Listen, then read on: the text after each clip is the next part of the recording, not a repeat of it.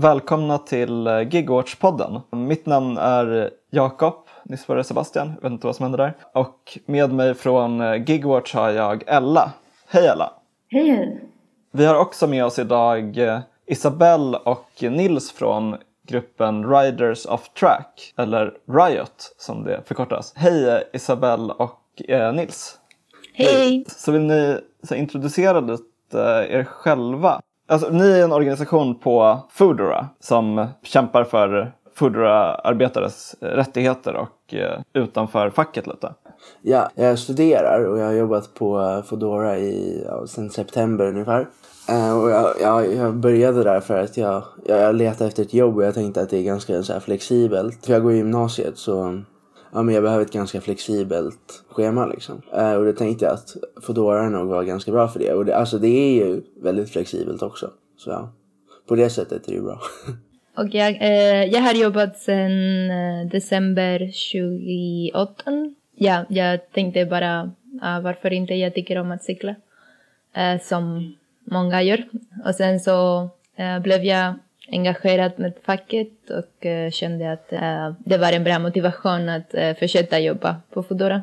Hur var det när ni liksom började jobba där? Motsvarade det era förväntningar och så eller var det några så problem som ni såg omedelbart så där som fick er att ta kontakt med facket? Alltså jag, jag måste väl säga så här att företaget som företag känns mycket mer oseriöst än vad jag trodde det skulle göra. till exempel om man typ sjukanmäler sig så här efter tio på morgonen. Jätteofta så höver de på avböjer ens så här sjukanmälan. För man måste så här ringa in och lägga in i appen en så här absence. Och då kan de antingen rejecta eller accepta den. Och det är jätteofta om man, det är så här efter tio på morgonen så rejectar de den. Och då måste man höra på att typ skriva till så här HR och typ så här, ja jag var ju sjuk, vill ni att jag ska jobba när jag är sjuk och massa sådana grejer. Och till slut accepterar de den liksom. Men att man ens ska höra på och liksom krångla med dem när man, alltså, när man är sjuk. Alltså speciellt liksom nu under corona tycker jag är jättekonstigt. För jag tänker, alltså vissa kanske inte, ja men orkar så här, skriva med HR eller ens vet att man kan göra det. För det är inte som att de är så tydliga med det. Det känns väldigt oseriöst.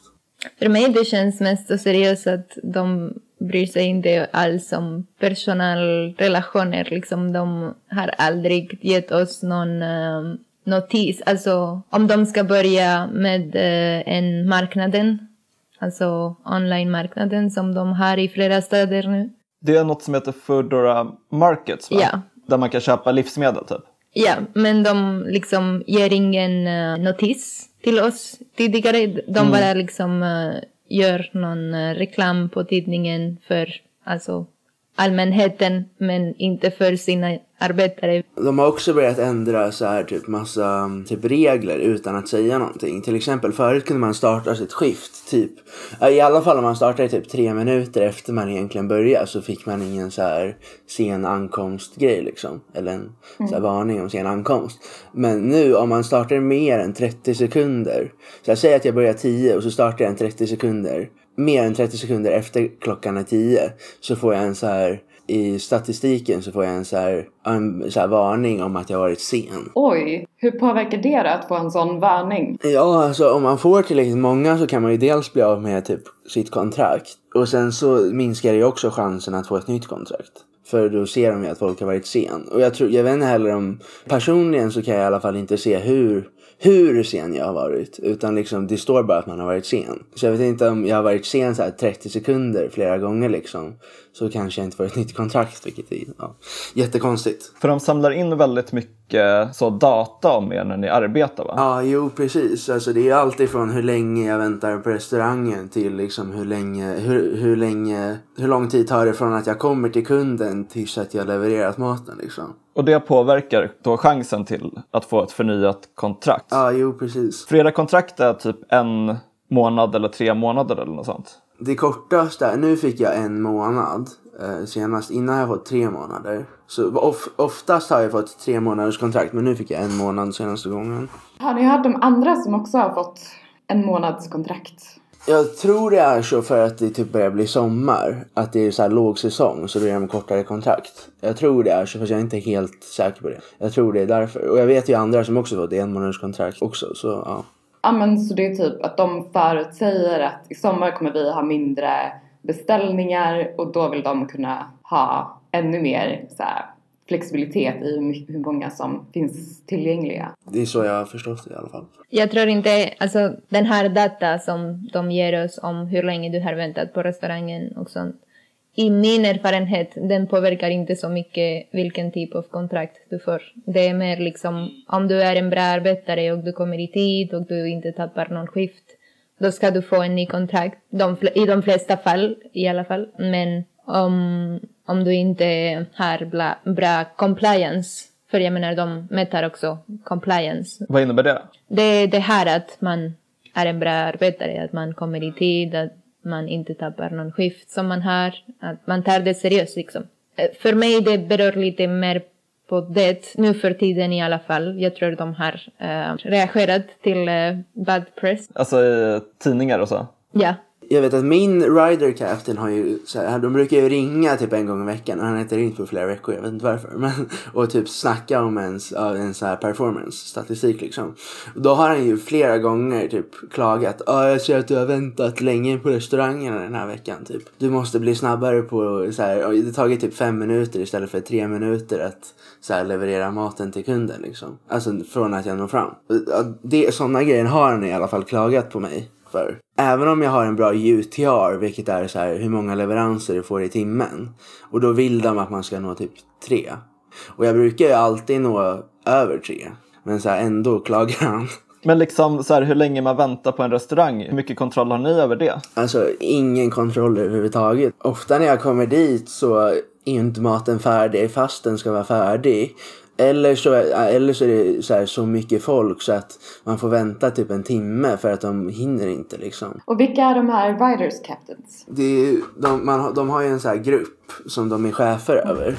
Så han är ju min närmsta chef. Deras uppdrag är väl egentligen, ska väl typ vara liksom, man tänker motivera en och hjälpa en liksom. Men det känns mer som han är en så här polis från ledningen. Ja, och så nämner ni också HR, eller HR. Hur mycket kontakt har ni med dem? Ja men till exempel om de inte accepterar min sjukanmälning så måste jag skriva till dem. Och sen är det ibland, ja men om man typ har andra frågor så skriver man också till dem. Det är också de som ger ut nya kontrakt tror jag. Det är sådana grejer liksom. Alltså det är kontakt med dem kanske en gång i månaden eller någonting sånt. Ja, men Isabel, du nämnde ju att, att eh, Foodora har fått eh, lite dålig press har liksom lett till att eh, ja, men det har förbättrats lite, eller tolkade jag det rätt? jag antar att det har förbättrats med eh, kollektivavtalet nu. Alltså den enda gång de faktiskt reagerade, alltså skickade oss ett meddelande från företaget till sina arbetare. Det var efter den här artikeln från Sydsvenskan där eh, Dan Iversson hade ja, börjat jobba på Foodora och eh, kollat hur det gick. Det var den enda gång de faktiskt sa någonting till oss. liksom. Vad sa de då? att ja, de var jätteledsna att eh, det här hade kommit upp, att de inte hade upplevt att det var så dåligt. Typ. Kändes det, trodde ni på det de sa? Nej, inte. Alltså, jag vet att de borde veta eh, hur dåligt det är.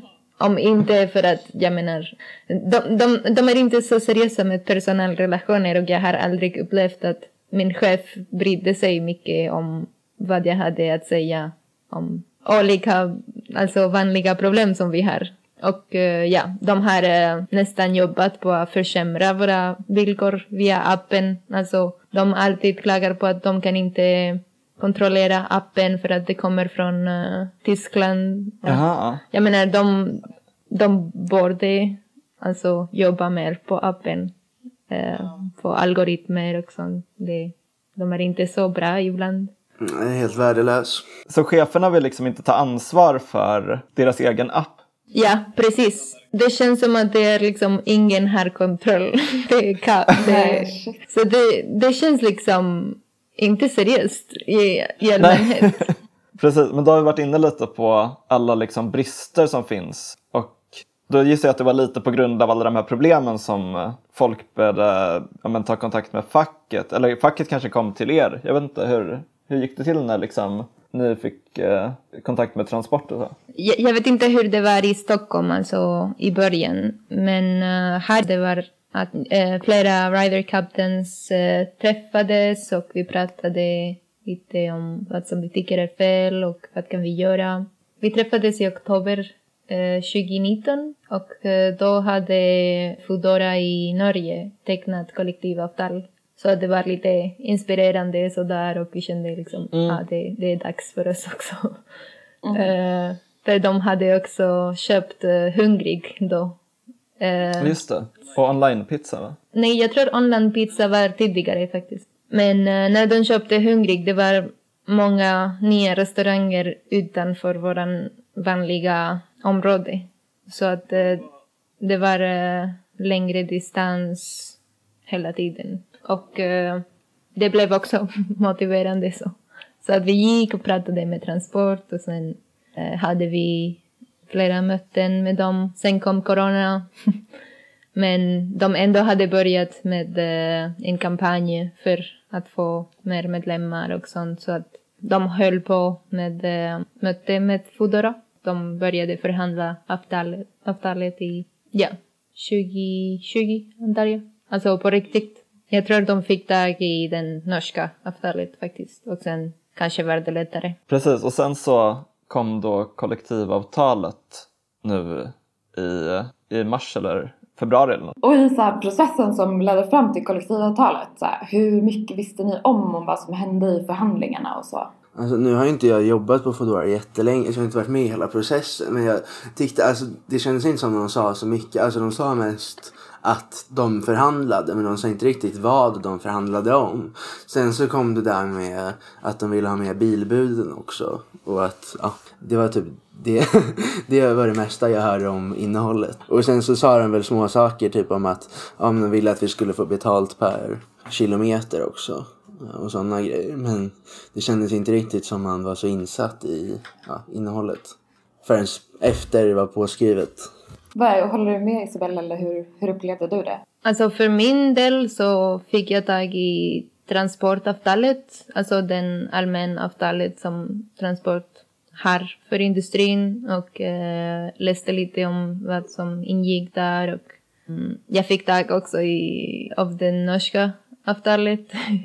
Så mm. att eh, jag, jag läste lite mer liksom om allt som ingår liksom från uh, att ha olika typer av ledighet om man blir 50 års ålder eh, till eh, hur schema ska läggas.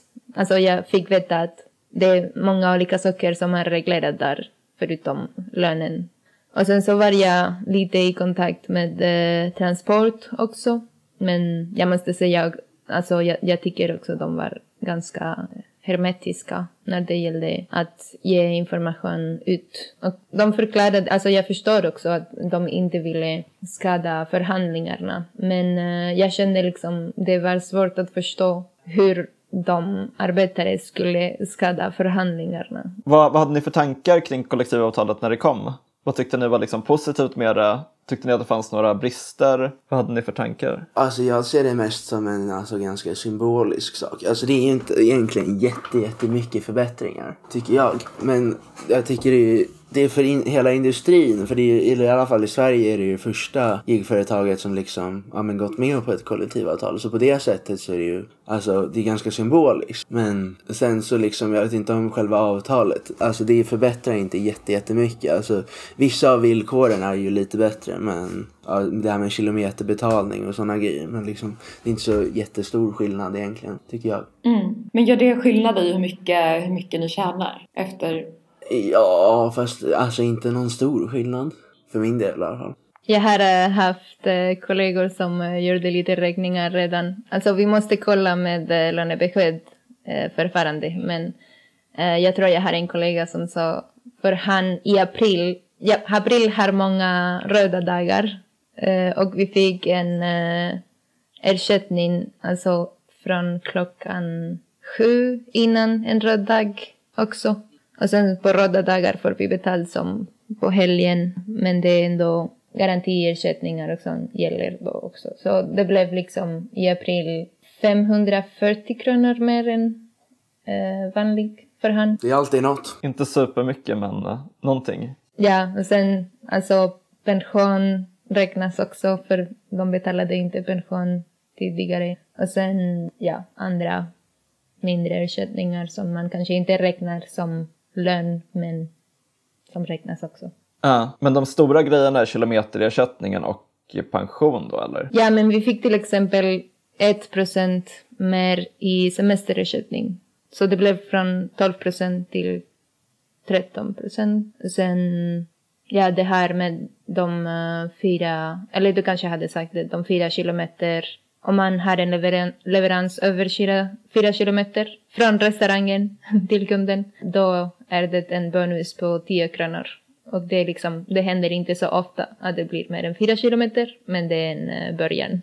Något som har blivit bättre också är, är ju kanske så här Foodoras rykte. Det finns ju vissa som har liksom menat att de har sett det lite som en så här, ett tillfälle att få bra publicitet med kollektivavtalet. Är det någonting som ni har upplevt eller? Jo, men alltså det känns ju som de har spelat väldigt mycket på det här att, att de var först med kollektivavtal och sådana grejer. Att de ska ses som något slags helgon på grund av det. Och det, det, de var ju väldigt motvilliga, alltså länge ju. Så, Jo. så det är snabba vändningar. Ja, precis. Jo, det, det är ju fortfarande många brister. Alltså, förutom det här med att alla våra um, bildbudkollegor Ja. är inte tecknade av det här avtal och jag menar de har samma uniform som jag har. Men de är ändå in, inte eh, täckt av den. Men andra brister som att eh, de kan fortfarande anställa oss med de här eh, allmän visstid-kontrakt och inte behöva ge någon anledning för att eh, avsluta ge de här kontrakt. Åtminstone bättre än Uber Eats i alla fall. Där man inte ens är anställd. Ja, precis. Många av Foodoras konkurrenter är väl, alltså de kan ju inte ens ha kollektivavtal i och med att de inte har anställda. Nej, precis. Jag, just, jag tänkte också bara på det här, eh, du nämnde det här med att bilbuden inte är, eh, omfattas av kollektivavtalet. Jag tänkte bara att förklara för lyssnarna lite att det visade sig ju efter att kollektivavtalet var tecknat att typ, men så här, visst var det tusen eller över tusen bilbud eller något sånt där som istället är anställda via ett bolag som heter Hungry Delivery. Ja, alltså de flesta bilbud, det är kanske 5% av alla bilar som har ett avtal med Foodora. Liksom det, de flesta har avtal via Hungrig för att det, när de köpte Hungrig, de köpte också liksom den licens som tillåter dem att eh, anställa människor som har sin egen bil. Jag vet inte hur det heter.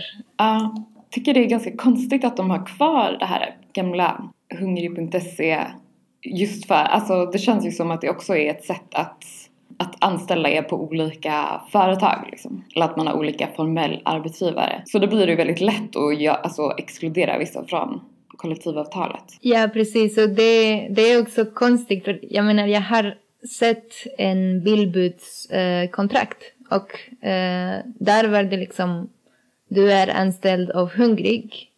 Men sen, eh, all, alltså till exempel där de pratade om eh, hur man gör om eh, man vill ändra någon viktig eh, data i systemet.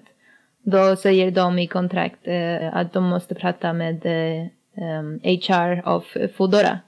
Och liksom de nämner Foodora också. Men den är inte arbetsgivare så varför borde de en... Alltså jag, jag tror kanske Billbud måste tänka lite mer på det här liksom. Göra någon lite demonstration med att inte använda Foodoras eh, eh, uniform om de inte vill eller eh, ah, inte ha, jag vet inte, inte prata med eh, Foodora-ledningen alls. Upplever ni att det liksom finns, alltså har ni kontakt med bilbud eller är det lite isolerade världar? Cykelbuden å ena sidan och bilbuden å andra sidan? Jag har inte direkt någon kontakt. Jag känner inga bilbud eller så faktiskt. Eller där jag jobbar så är det inte så jättemånga heller. De är mest utanför stan liksom. De flesta bilbud. Inuti stan så är det ju mest mopeder och cyklar. Några bilbud tror jag men inte så många. Jag har lite mer eh, kontakt med liksom flera av dem men de brukar inte bry sig så mycket om oss och liksom innan vi fick kollektivavtal de var redan inte så, ja, det känns som att de har inte så mycket, så mycket tillit till eh, transport heller. Vad tror ni att det beror på? Alltså jag, jag tror de är mycket mer exploaterad, exploaterad än vi är. Så de kanske inte ens känner att de har tid för att bry sig om ingenting. Du tänker att de liksom jobbar längre veckor och Mm. har mindre tid att ens göra någonting Ja, annat liksom? ja precis. Ja. Eller pengar. Ja, visst. Har det blivit vanligare med bilbud under de åren ni har jobbat? Har ni märkt av någon sån utveckling? Liksom? Jag tror jag har sett ett utveckling, alltså innan vi fick kollektivavtalet åtminstone. Nu vet jag inte så mycket hur många som blir anställda som bud. Men eh, innan det, jag tror liksom inför vintern så anställdes många bilar. Men sa inte eh, Transport, eller alltså innan du vet när de gick ut med det här att de ville ha med bilbuden i avtalet. Sa inte de att det var på grund av att, eller när de började förhandla om avtalet så var det inte lika många bilbud som det var nu. Alltså jag för mig att de sa det, jag är inte helt hundra. Men jag tror det kan ju ha också att göra med att Foodora har expanderat till ganska många nya städer och där kanske inte cykel är lika bra eller lika ja, lätt att cykla på eller det är längre distanser och sådana grejer än vad det är i typ Stockholm och ja. Nej, Precis. precis. Nej, jag tycker bara att man ser fler bilar på stan. Jag bor i Göteborg. Precis, jag har också sett mycket bilar. Ja, men om vi ska gå in lite på Riders of Track som är då en grupp som ni är en del av på Foodora. Kan ni berätta lite om det? Varför bildades ni? Ni fungerar lite som ett eh, nätverk kanske man kan säga, eller? Ja, det, vi, vi bildades kanske för fem månader sedan.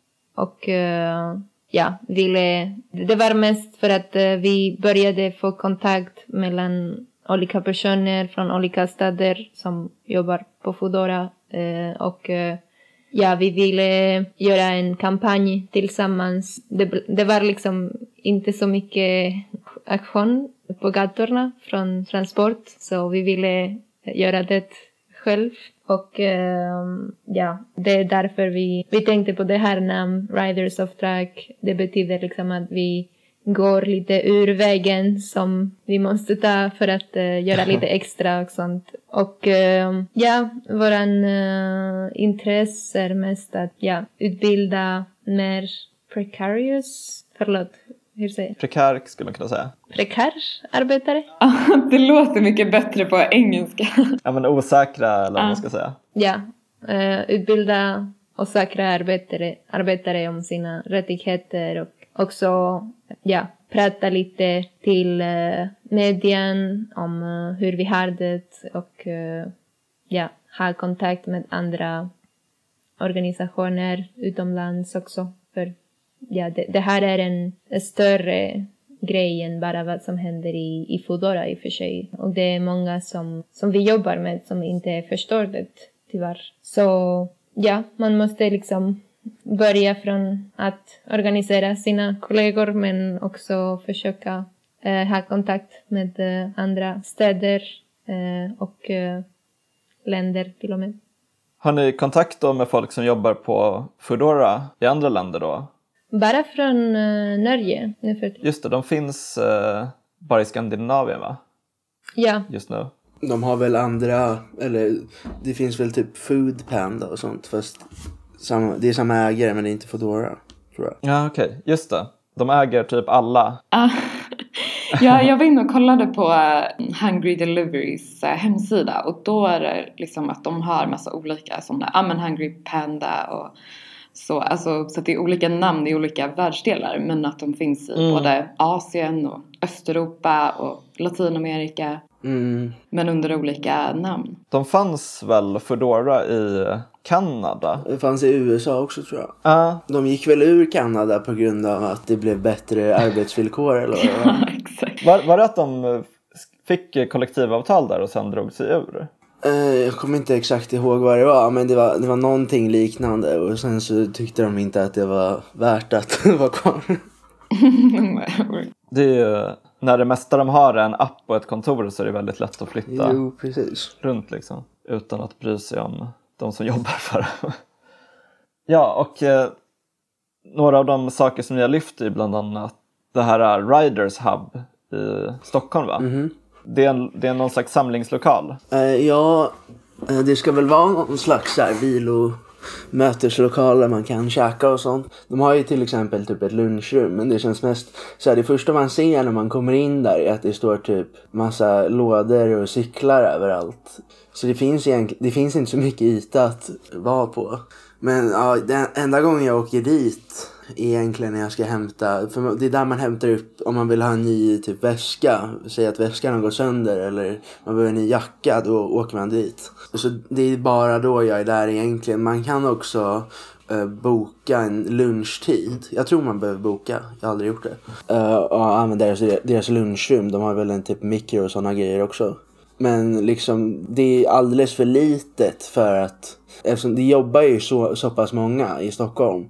Det är alldeles för lite, litet för att folk skulle kunna liksom vara där ofta. Men det är inte där liksom cheferna har sitt kontor eller? Jo, ja, jag tror de, de har flera kontor. Delivery Hero vet jag har ett kontor på Ringvägen också. Jag är inte säker på var cheferna sitter, men eh, ja. Lite annan sak. Jag såg ju, um, folk ska, det är där man kan typ, ska kunna typ, ja, men, ta igen sig på rasten liksom.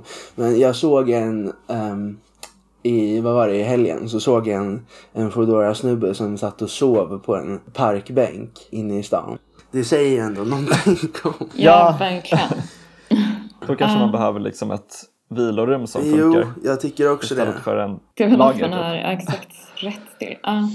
Men det var, det var liksom vår första kontakt med er ju. Alltså att ni skickade bilder på det här. Mhm. Ja, Riders Hub. Eh, och att ni även hade skickat dem till Arbetsmiljöverket. Fick ni någon respons överhuvudtaget från, från Arbetsmiljöverket? Ja, det var ju en annan kille som gjorde det. Men jag tror de, de, de sa väl till Foodora att de var tvungna att... De gav väl dem typ lite tid att hitta en ny, ett nytt ställe tror jag. Eller typ förbättra det de hade. Så tror jag det var. Okej. Jag vet inte exakt hur lång tid de fick på sig. Men... En eh, grej som vi såg nyligen i media är ju att flera medier rapporterat om att Foodora nu liksom efter att kollektivavtalet trätt i kraft har eh, försökt sänka lönerna för folk som har varit drivande fackligt. Det har också rapporterats i tidningen Transportarbetaren att Foodora har köpt ut en anställd som var fackligt aktiv för liksom flera tiotusentals kronor. Är det någonting liksom ni har stött på? Har det funnits några andra exempel på olika former av hot eller repressalier mot fackligt aktiva eller bud som till exempel kritiserat företaget i media? Men de har väl kommit på så här, typ skenanled... Kan man säga så? Skenan... Ja men så här, hittat på anledningar att, eh, ja, men att ge folk sparken. Fast det alltså uppenbarligen inte är på grund av det. Men de hittar på något annat. Så att de kan ge folk sparken eller typ säga ja, vi kommer ge dig sparken om du inte eh, går med på det här liksom. Uh, vad kan det vara de hittar på då? Ja men, ja, men det, typ det här med att de ska sänka lönerna. De kan ju hitta på någonting som de säger, ja vi kan ge dig sparken för det här typ. Säg att de har så här typ 10 timmars kontrakt. Då ska man jobba 10 timmar. På en vecka? Ja precis, och så har de jobbat 9 timmar kanske. Eller de har typ jobbat 10 timmar men inte exakt. Så kanske de säger det liksom som anledning. Ja. Typ sådana grejer. Och det är också jättekonstigt för är inte det mer än så här att det borde vara alltså Foodora då som ska liksom ge tio timmar Jo i precis. pass. Eh, Men ibland, man kan ju så här byta pass med varandra och sånt.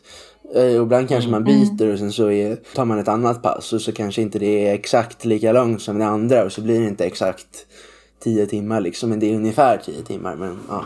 Jo, men det är mest att liksom, det är personer som ja, har varit eh, fackligt aktiva och eh, ja, det är faktiskt någon från, från vår eh, grupp just nu som eh, håller på att ja, få, få veta om han ska kunna vara kvar på Foodora eller ja, bli köpt ut också antar jag. Men eh, för, för han var det det här om att han hade inte jobbat eh, tillräckligt med timmar eller jag vet inte om, om det var någonting annat som de, de sa. Men eh, jag, jag vet att de har redan köpt ur en person för jag har också varit i kontakt med Transport lite mer. Jag vet att det är sant.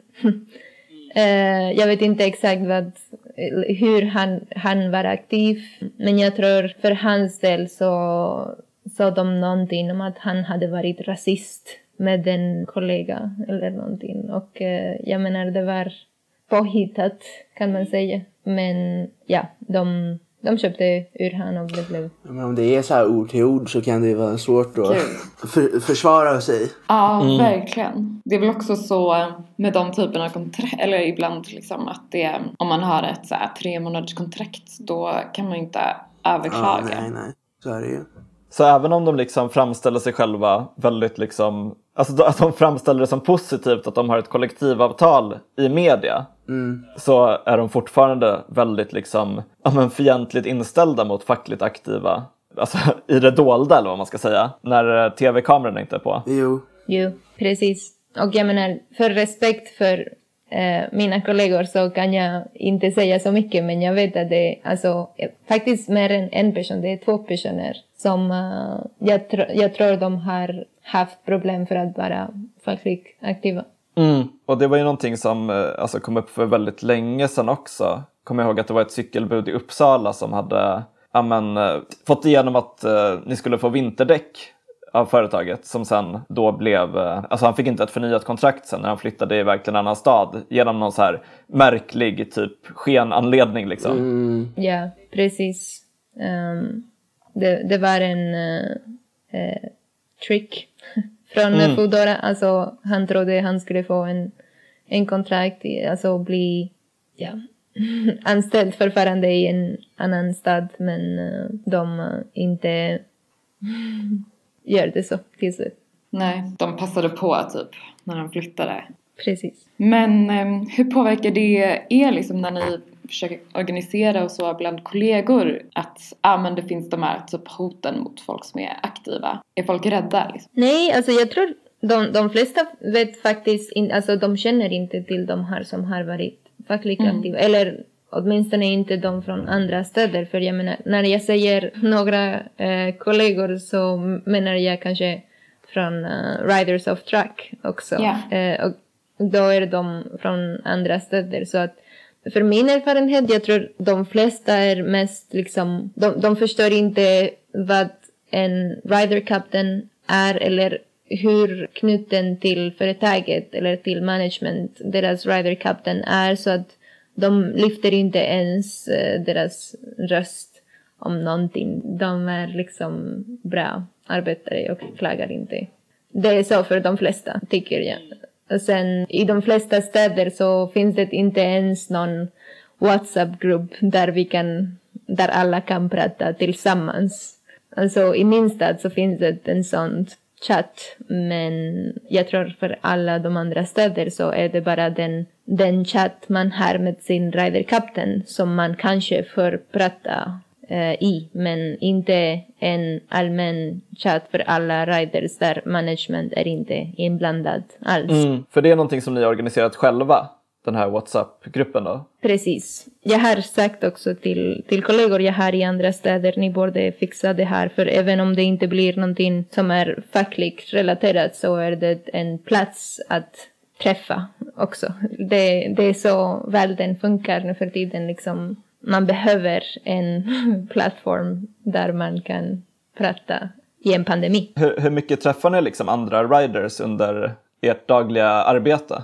Alltså in person liksom. Jag tror liksom i en tre timmars skift så kanske har man tur och uh, får tid för att prata med två personer. Ja, men så här, om jag jobbar, typ, om jag säger att jag jobbar tre timmar, det är alltid någon gång man behöver vänta. I alla fall på kvällen på restaurangen, vänta ett tag. Och då är det ju oftast fler som väntar där och då, det är typ då man snackar med varandra. Annars så blir det inte så mycket. Hur många är det som jobbar i Stockholm? Och jag är inte helt säker men det är väl över tusen tror jag. Så det är liksom, det är inte alltid någon man Nej, alltså, känner, nej. någon man har snackat med tidigare. Jag ser ju, alltså ibland även när jag inte jobbar så ser jag ju folk jag känner igen liksom cykla förbi. Och ibland ja, när jag jobbar så träffar man samma folk igen på restaurangen liksom. Men det oftast är det ju nya som man inte har träffat förut. Men det är ju skönt också när man träffar, även om man inte får tid att prata ibland. Alltså för mig när jag inte jobbar och jag är i stan och ser kollegor som, som jag känner igen eller bara andra som, som har den här eh, rosa uniform. Det är lite roligt i och för sig, men man behöver ju prata också. Vad diskuterar ni i eh, WhatsApp-gruppen? Eller hur använder ni den? Ja, det är mest liksom, eh, vi klagar lite på skoj om eh, distanser, men också till exempel om det nya Foodora-märket, om kunderna, det är alltid roligt att Ja. eh, liksom prata om olika, eller skicka bilder på Ja. deras eh, husmattor, eller en trämattor liksom. Det, Några extra en person som har en, en matta som säger Oh no, not you again. Eh, Ah, så det blir lite... Ja, det, det är en plats där du kan skicka lite vad som helst. Det Mm. en som sa en gång, jag kommer fortfarande ihåg, det var en som sa liksom uh, desto mer jag jobbar på Foodora, desto längre går jag från Gud. the, the more I stray from God.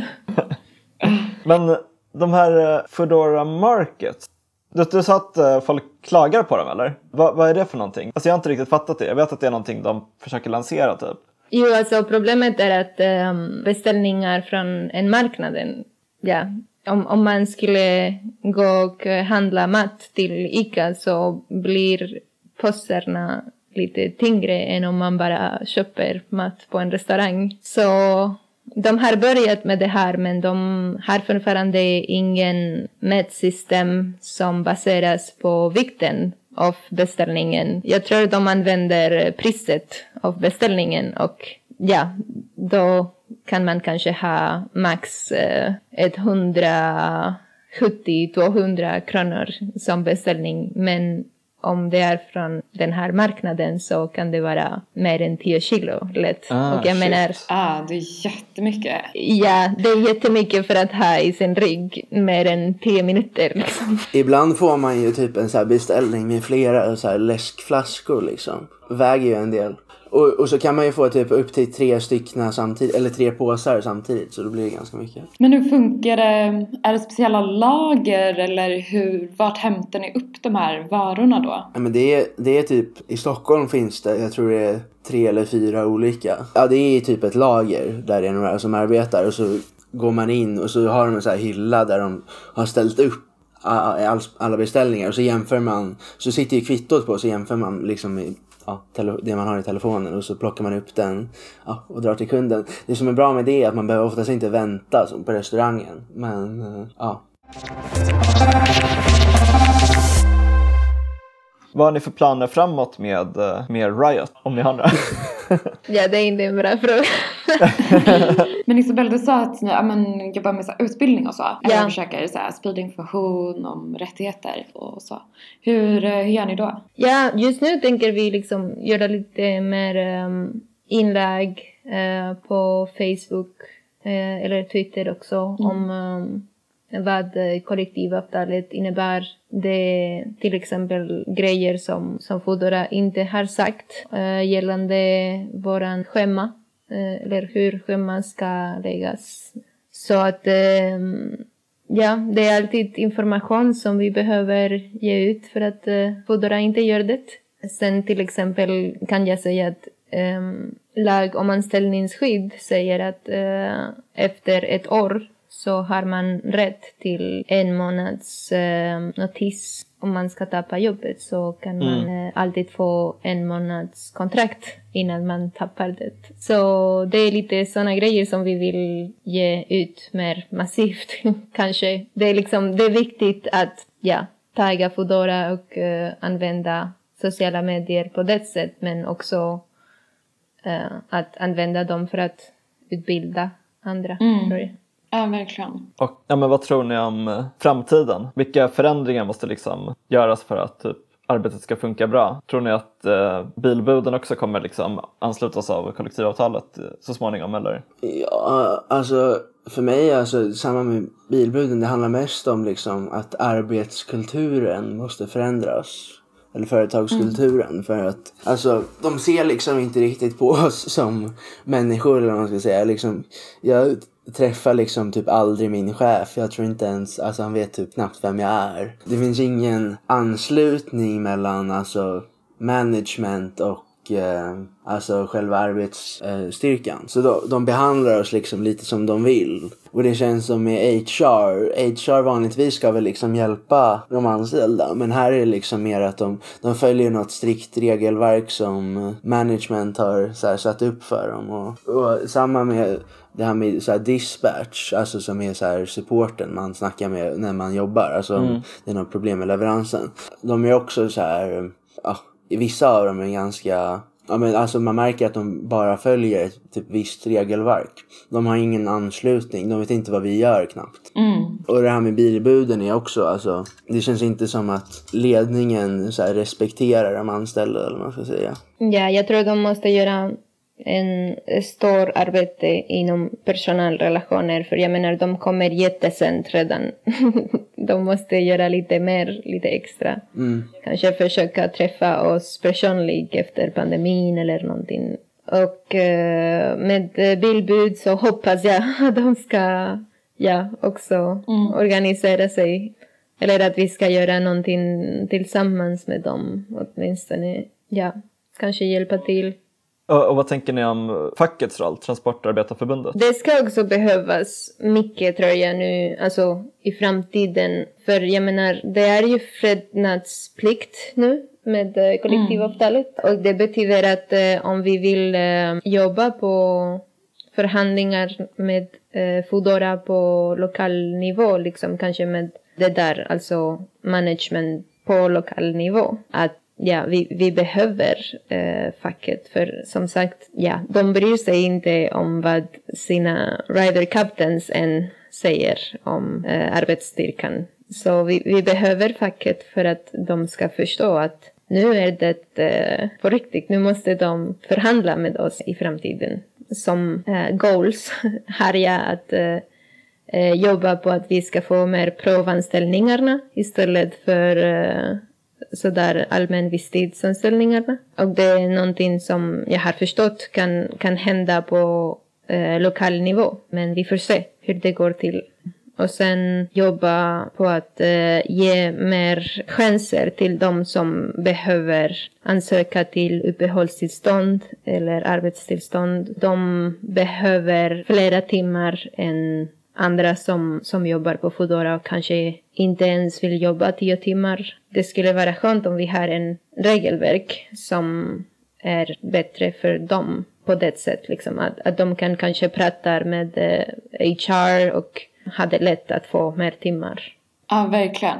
Så de kan leva, nå upp till det här typ försörjningskravet som är, alltså man måste tjäna, vad är det, 13 000? Precis, men det är samma sak också om, om man vill få a-kassa om man tappar jobbet. Då behöver man ha arbetat, ja. Upplever ni att det finns liksom ett problem med att eh, folk inte kommer upp i den här eh, gränsen och därmed liksom hamnar i en utsatt situation med Migrationsverket eller så? Det måste väl vara väl extremt stressande liksom? Ja, precis. Precis, det, det är många. Och jag menar, de flesta av oss har sån där typ av problem. Och det är ju så att vi inte hör av dem så ofta.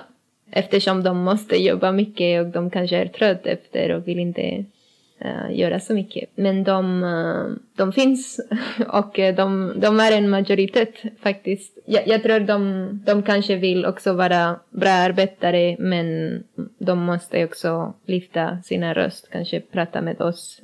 Om de inte känner Ja. att det är värt att prata med eh, transport. Det är lite därför vi bildades också. Liksom. Det är många som kommer från andra länder och inte litar så mycket på förbundet eh, och Mm. då kanske behöver de någonting annat också. Men det blir lite så att ju mer utsatt en situation är desto mindre tid eller ork eller energi kanske man har att liksom ta kontakt med folk och så. Jo, det har hänt faktiskt att eh, någonting blev allvarligt sjuk, eller någon blev allvarligt sjuk och eh, de, de inte fick några timmar av Foodora för att eh, ansöka ja, för, eh, för Försäkringskassan. De var så allvarligt sjuka att de hade inte jobbat eh, för de sista, den, den sista månaden alls. För att istället för att eh, göra en sjukanmälning till Foodora så hade de givit bort deras skift eh, bara för att inte få problem eller någonting. Liksom de, de förstod inte hur regelverket funkar, funkar på det sättet att om du, om du är faktiskt sjuk, du måste anmäla dig. Speciellt om det blir mer än en vecka. Liksom. Du, kan Mm. inte vara en hel månad där du inte jobbar alls. Och jag känner andra också som fortfarande jobbar för att de kanske känner det svårt att få en sjukförsäkring från Försäkringskassan. Så att de, de jobbar bara lite grann. Men de förstår inte att det ska vara svårt i framtiden att visa att om det var för dem så skulle de jobba 20 timmar i veckan. och eh, att det är det de måste få som försäkring. Och, inte typ fem timmar eller ingenting. Ja, gud. Ja, det blir så här moment 22 med byråkratin. Precis. Tack för att du lyssnade på det här avsnittet av Gigwatch-podden med Isabelle och Nils från Riders of Track.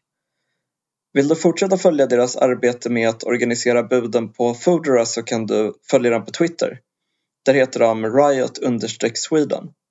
Eller Facebook där de heter Riders of Track. Tyckte du avsnittet var intressant så får du självklart jättegärna dela det på sociala medier och tipsa dina vänner och andra som du tänker kan vara intresserade. Jag tänkte också göra lite reklam för att vi i Gigwatch planerar en studiecirkel om gigekonomin under sommaren i flera olika städer i Sverige. Om du är intresserad av att delta eller kanske till och med vara med och organisera en studiecirkel, håll utkik på vår hemsida eller prenumerera på vårt nyhetsbrev, där det snart kommer komma mer information. Vi hjälper självklart till med allt kring material och organisering. Ha det bra så länge!